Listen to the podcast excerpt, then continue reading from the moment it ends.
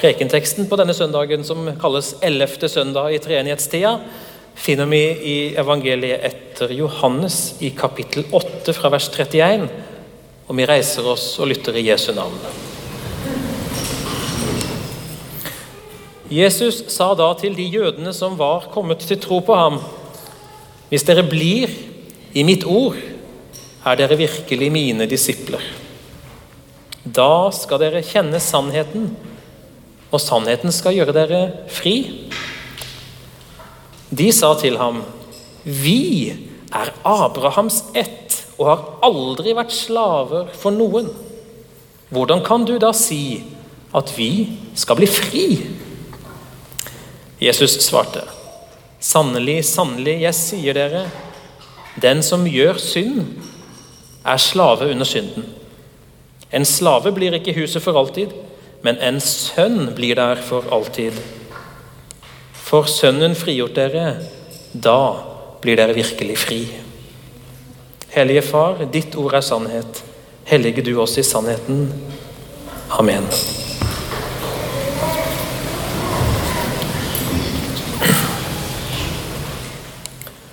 Jesus han var ofte å finne der hvor ting skjedde, og hvor folk var samla.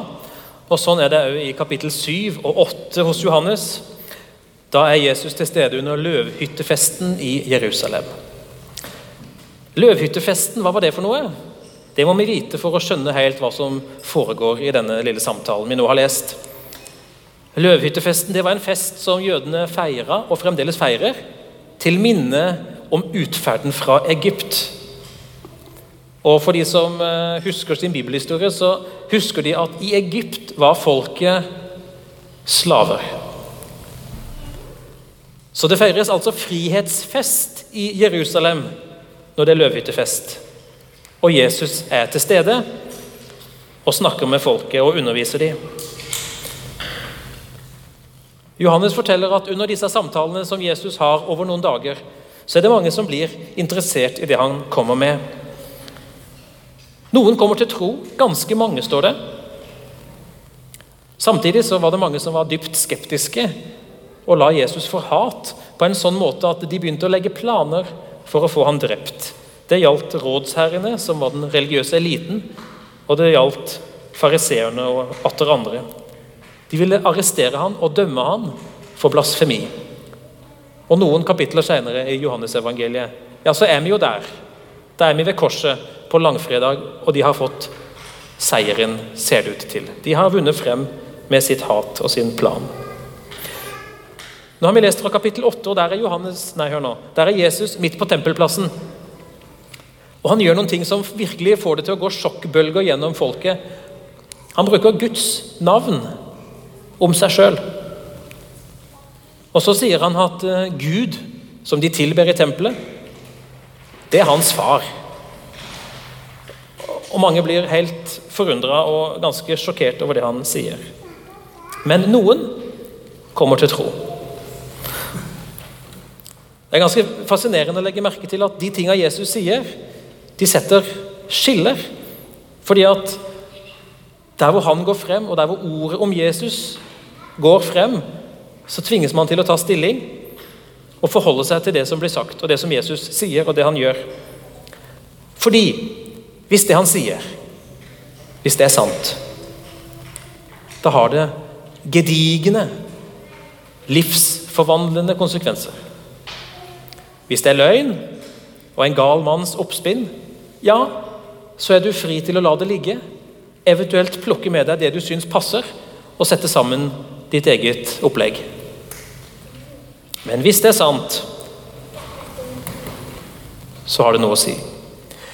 Og så tror jeg det er sånn at vi som lever nå, akkurat som de som levde den gangen da Jesus vandra rundt på jorda, lever i spenningsfeltet mellom den sannheten som Jesus representerer, og den sannheten han er, og alle de andre sannhetene, eller løgnene om du vil, så er vi et sted litt underveis. Vi er i bevegelse hele tida. Vi påvirkes. Det er ikke likegyldig hvor vi henter påvirkning fra. Men vi dras mellom ulike sånne Jesus-bilder. Men i dag så vil Jesus gjerne få lov til å ta oss i hånda og veilede oss i en helt bestemt retning. Han vil ha oss inn i lyset, Han vil ha oss inn i sannheten, og han vil ha oss inn til seg sjøl, sånn han virkelig er. Guds sønn, Gud sjøl. Frelse for hele verden. Og saken som det står om, er altså vår egen frihet. Frihet. Dette deilige ordet som vår tid elsker mer enn noe annet. Men nå skal vi høre hva Jesus sier. Han sa da til de jødene som var kommet til tro på ham, hvis dere blir i mitt ord, blir dere virkelig mine disipler. Det første vi legger merke til, er at de som hørte på Jesus, de hadde allerede fått en tro. Men Jesus vet at den troa trenger næring, og den trenger retning. Sånn var det den gangen, og sånn er det nå. Og det er akkurat det Jesus gir oss. Retningen for sannheten, det er Jesu ord. Det er der han skal ha oss inn. Ved å bli der, ved å leve der, da blir man virkelig en Jesu disippel. Ikke ved å høre om Jesus og tenke at det var spennende sagt. Det passer med sånn som jeg tenker. Nei, men ved å bli i Hans ord, da blir man en Jesu disippel. Visst er det lov å være underveis. Noen hver av oss er det. Men retningen er avgjørende. Inn mot Jesus, inn mot sannheten. Og løftet gir han da skal dere kjenne sannheten, og sannheten skal gjøre dere fri. Den frigjørende sannheten finnes i Jesu ord og handlinger. Det han sier og det han gjør. Det er en sannhet om hvem han er, hvorfor han kom, og det er en sannhet om oss. Hvem vi er, hva vi trenger på dypet, og vår dypeste identitet. Det er sannheten med stor S. Og Vi kan kanskje la oss utfordre litt av det ved en semesterstart. Vi, har vi blikket der på den sannheten om hvem vi er, og hvem Jesus er? Og hva som gir næring til den relasjonen? Nå er i hvert fall muligheten her til å ta det inn. Orientere seg mot det. Bli i det. På en sånn måte at sannheten gjør oss fri. Men fri, gjøre fri Folk i Jerusalem de stoppa opp. De kom helt ut av sine religiøse vaner når Jesus snakka på den måten. Er vi ikke frie, vi, da? Er en veldig naturlig protest. Jeg tror den kommer ganske kjapt hos noen hver av oss hvis vi blir utfordra på det. Vi tror jo så godt vi vet hva frihet er. Vi feirer den mange ganger i året. 8. mai, 17. mai, Hele juni måned feirer man frihet i en eller annen form. Å være fri i vår tid har blitt tegnet på å henge med, på å være til stede, på å være et progressivt, oppegående, moderne menneske. Og Så kommer Jesus, og så er det akkurat som at han sier at kjære venner, den friheten dere tror dere feirer, det er ikke frihet i det hele tatt. Og det vekker naturligvis protest og forsvar. De jødene som Jesus snakka med, de reagerte instinktivt med å gripe til det tjukkeste strengen i deres folks historie, og de sa Vi er Abrahams ett. Jeg vet ikke hva ditt forsvar ville være, men du har sikkert et eller annet. Medlem i Delk. Går til kirke hver søndag. Eller et eller annet. Vi har Abrahams ett. Har aldri vært slave for noen. Jeg bor i Norge, det er et fritt land. Er ikke jeg fri? Det går an å innvende det mot Jesus. Og så sier de, 'Hvordan kan du da si at vi skal bli fri?' De tenkte på de to sønnene til Abraham. det er ganske sikkert. Vi har nettopp hørt lest om de. Det var Ismael, sønn av Hagar, som var slavekvinne. Alle visste det. Og så var det Isak. Og det var Isak, han som var sønn av den frie kvinnen, Abrahams kone. Det var han som var Israels stamfar. Derfor var de frie. Hele selvforståelsen gikk ut på det. Dessuten var det frihetsfest, løvhyttefest. Og Så står han der og sier at dette, dette, er egentlig ganske hult. Dette er ikke hva frihet handler om. Og Det kan vi jo kjenne at kanskje utfordrer oss litt. Han sier at faktisk er det, det er det motsatte av frihet. Under denne frihetsfesten som dere feirer, og nå snakker han til de og til oss, så ligger det et ubarmhjertig slaveri. Det er jo det Jesus sier. Det er noen som sperrer opp øynene her nå. Det er jo veldig bra, for da følger dere med. dette er ganske dramatisk. Han sier at under vår frihetsfølelse ligger et slaveri. Han sa, 'Sannelig, sannelig, jeg sier dere, den som gjør synd, er slave under synden.' Bare smak litt på det. Slave under synden. Den som gjør synd, er slave under synden. Det sier Jesus. Nå kunne vi ha håndsopprekning, og det ikke vi skal gjøre. Hvor alle som aldri har gjort en synd i sitt liv, skulle få lov til å rekke opp hånda. Eh, det hadde dessuten ikke blitt så mange, så egentlig har vi gjort det allerede. Det er jo litt alvorlig, for han sier at nå borer han veldig dypt i vår menneskelighet, i vår natur. vi lærer at synd handler ikke først og fremst om overfladiske enkelthandlinger som vi kan klare å filtrere vekk med god oppdragelse, sterke sanksjoner og positiv forsterkning og alt som skolen kan mye mer om enn meg. Vi klarer ikke å luke vekk det egentlige problemet. Vi kan isolere og fjerne enkelte handlinger, sånn at vi fungerer sammen. Og det er jammen bra at det går an. Men Jesus snakker dypere. Han snakker om et slaveri på dypet av vår menneskelighet.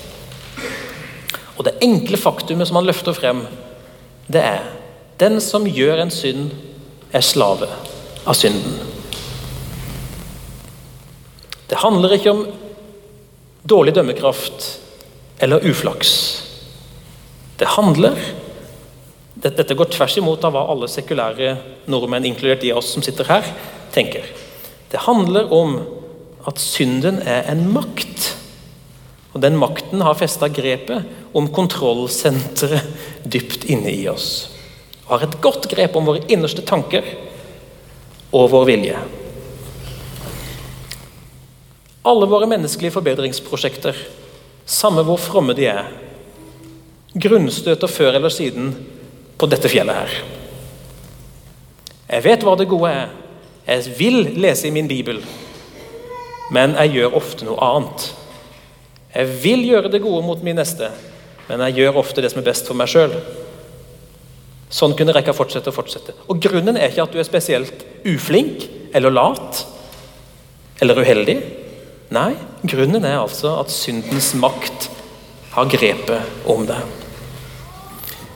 Vi er altså ikke fri når vi velger synden. Det tror jo mange mennesker i 2022, at de er fri når de velger det som Gud sier nei til. Det er feil. Jesus sier da er du bundet. Og Det er derfor illusjonen oppstår, at frihet Og frihet er ikke da frihet, men slaveri. Samme hvor mange tog eller frigjøringsdager du markerer, like bunden forblir vi. Og Hvis ikke vi forstår det, ja, da vet vi ikke hva det er å være menneske. Da, hvis vi tror at friheten ligger hos meg sjøl, at jeg kan suge den ut av mitt eget bryst, da er vi fanga i løgn og selvbedrag. Og kjære dere, hvem i all verden vil bygge livet sitt på en løgn?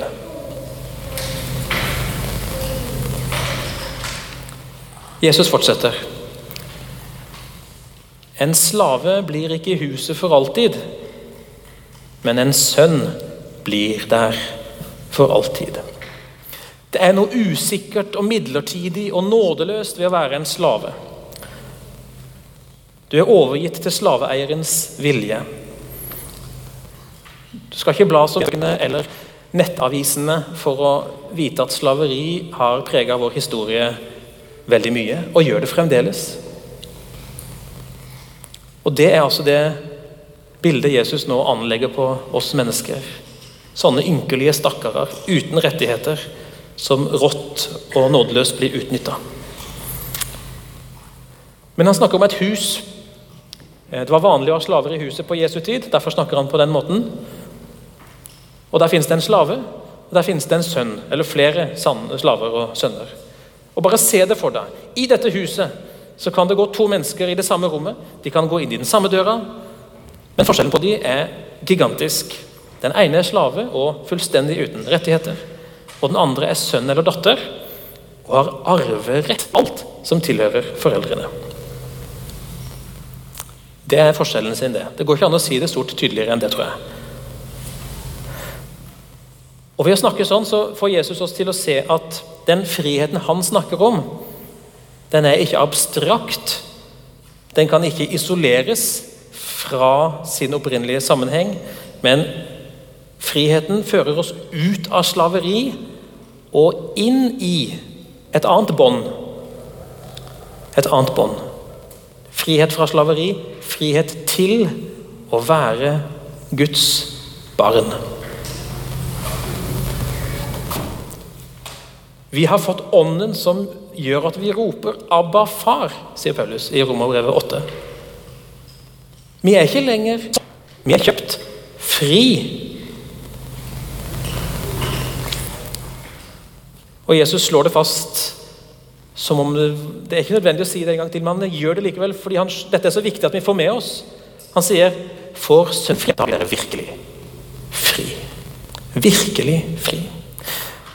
Da kristentroa skulle formuleres på gammelnorsk for ca. 1000 år siden, her på disse kanter, så trengte en et ord for å beskrive betydningen av hva Jesus har gjort. Og hva det betyr for det enkelte mennesket. Og da valgte man et kjent uttrykk som var henta fra slaveholdet.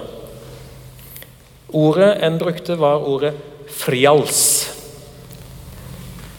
Det betyr fri hals.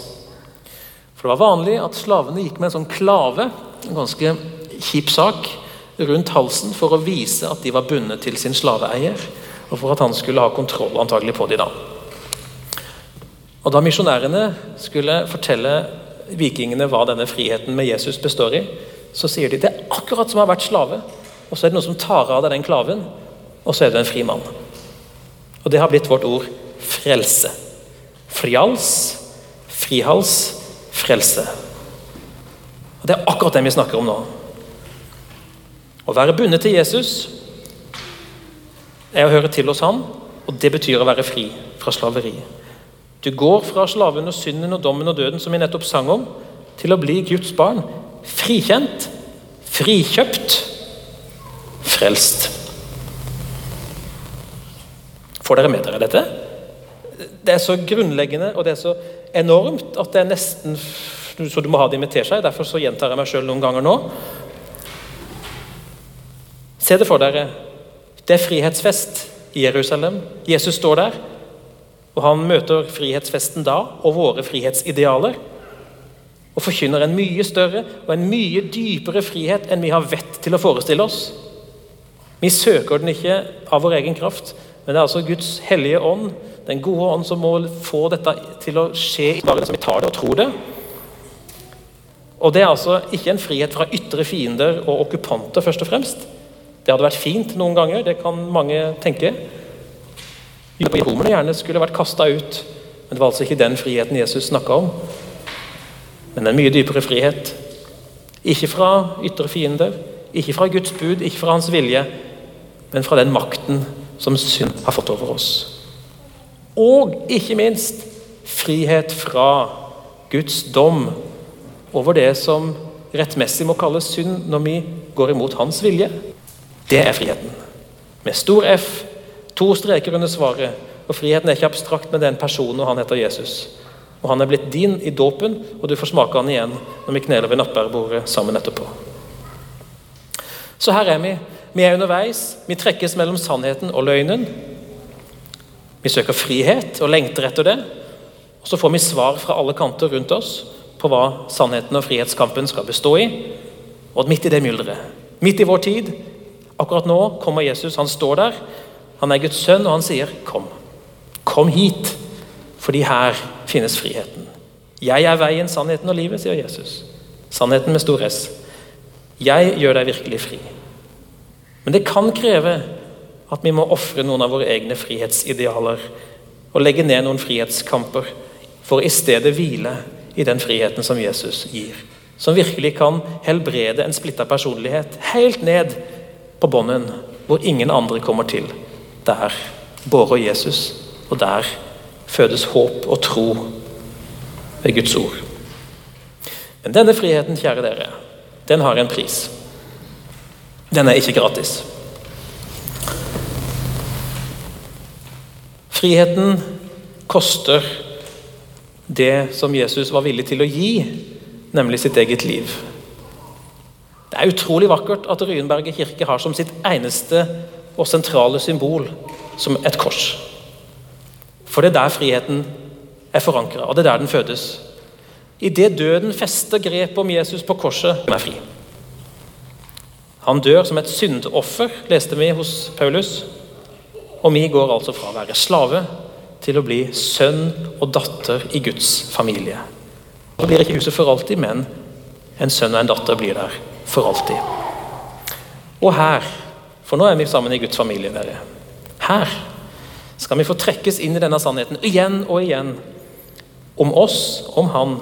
Så skal vi få lov til å fordype den relasjonen vi har til Han, og kjennskapen. Sånn at den lovsangen vi er sammen her, skal få ny glede, ny styrke og ny resonansbunn. Det er ikke tom jubel, men det er jubelen og gleden over å være fri fra noe som man ellers ville sittet grundig fast i. Vi har gått fra dom og død til et nytt liv. Med Han et nytt liv. Det er grunnen til at Ryenberget skole finnes, og det er grunnen til at Ryenberget kirke finnes. Fordi dette er sant. Ikke noe mindre enn det. Om jeg og lever og tror til ære for Faderen og Sønnen og Den hellige ånd, som var og er og være skal, en sann Gud velsignet i evighet. Amen.